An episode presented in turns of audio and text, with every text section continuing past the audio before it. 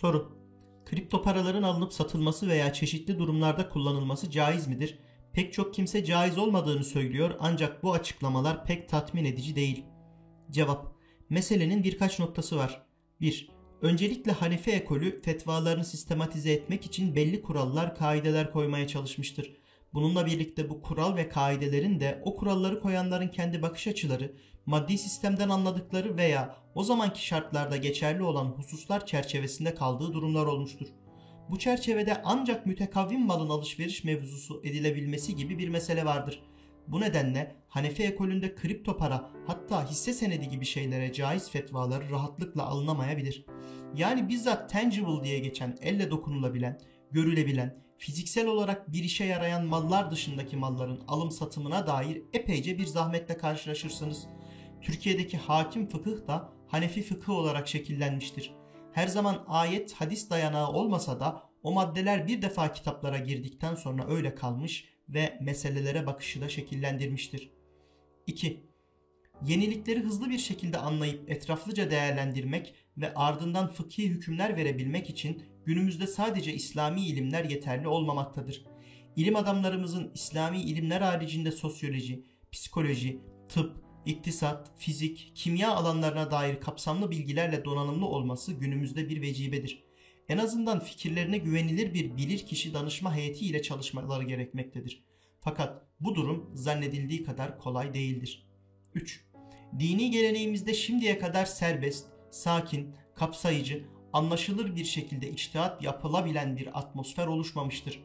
Bu durum işi daha da zorlaştırmaktadır. Fetva verme geleneğimizde daha çok takva boyutunu önde tutup her türlü riskten uzak duran bir yapı hakimdir. Yakın zamana kadar hoparlör ile ezan okunmasına, fotoğraf çekilmeye, eve televizyon almaya, bankanın gölgesinde oturmaya veya önünden geçmeye, hatta trene binmeye haram dendiğini görmüş ya da duymuşuzdur. Bugün ise çoğumuzun güvenli bir alışveriş yapmak ya da nakit para taşıma güvensizliğine karşı veya bir havale yapmak için bile bankadan başka şansı yoktur. Bu gerçekler karşısında ise fetva verenler tarafından aşama aşama geri adımlar atılmış, zamanla da bu haramdır fetvaları hiç verilmemiş gibi yapılmıştır. Bu bağlamda kripto para için sorulan sorulara da alınacak ilk cevapların haramdır olması şaşırtıcı değildir. Ancak aynen tren, fotoğraf, televizyon, banka, hoparlör konularında olduğu gibi insanlığa mal olduktan sonra da cevaz verilecek hatta kripto paranın zekatı gibi konularda fetva vermeye başlanacaktır. 4. Bir konuda fetva vermek ile o konunun günlük yaşam pratikleri çerçevesinde tavsiye edilip edilmemesi birbirine karıştırılmamalıdır. Örneğin matematikçi olmak istediğini ve bunun caiz olup olmadığını soran bir öğrenciye elbette matematik öğrenmenin caiz olduğu söylenecektir. Ancak o öğrencinin notlarına, eğitim geçmişine vesaire bakılınca sayısal alanlara eğilimi olmadığı, bu konuda başka alanlara göre daha az kabiliyetinin olduğu görülürse o öğrenciye senin sayısala pek temayülün yok ama senden güzel yazar olur. Sen matematikçi değil yazar olmaya çalış. Matematikçi olmaya çalışırsan mutsuz olursun denilebilir. Bu bağlamda kripto para uygulamaları için teknik olarak haram demek için bir sebep görünmüyor ancak tavsiye etmemek için bir takım nedenlerin var olduğunu da söylemeliyiz.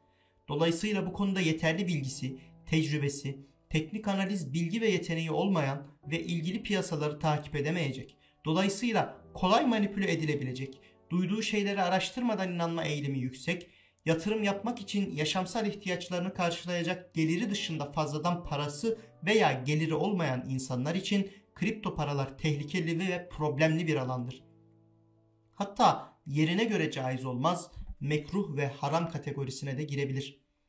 Problemli ve sakıncalı bir alan olmasının yanında herhangi bir ayetin veya hadisin açık delaletiyle haram denilmesi gereken bir durum da yoktur. 5. Kur'an faiz ve birkaç temel haram dışında helallik ve haramlık meselesinde temelde karşılıklı rıza şartını ortaya koymuştur. Bu çerçevede ve eşyada da ibaha, helallik, helal olma durumu esas olduğu için aslen ve bizzat haram olmayan faiz, fuhuş, domuz eti, alkol gibi şeyler dışında insanlar bilerek ve karşılıklı rızaya dayalı alım satım halindeyseler buna haram denilemez. Bitcoin gibi sanal paralara cevaz vermeme konusunda bir dayanak olarak gösterilen itibari değer meselesinde ise iktisadi anlamda değerin oluşmasının hemen her zaman itibari olduğunun bilinmesi gerekmektedir. Yani insanlar bir şeye ne kadar değer veriyorlarsa o şeyin değeri o olacaktır. Yani fiyat bir şeyin mali değeri her zaman için insanların itibari olarak oluşturdukları bir şeydir. Realiteye bağlı görünen boyutlarına dahi dikkatli bir şekilde bakılıp hesap edildiğinde değerin realiteyle, emekle ve hatta maliyetle ilişkisinin çok nadir olduğu, hatta maliyeti oluşturan kalemlerin fiyatlarının da itibari olduğu sonucuna varılacaktır.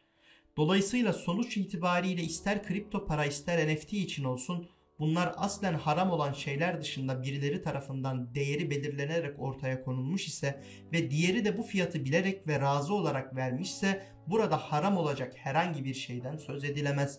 Nasıl ki bir arsayı veya hisse senedini alıp değerlenmesini beklemek caiz ise aynı durum kripto paralar için de geçerlidir.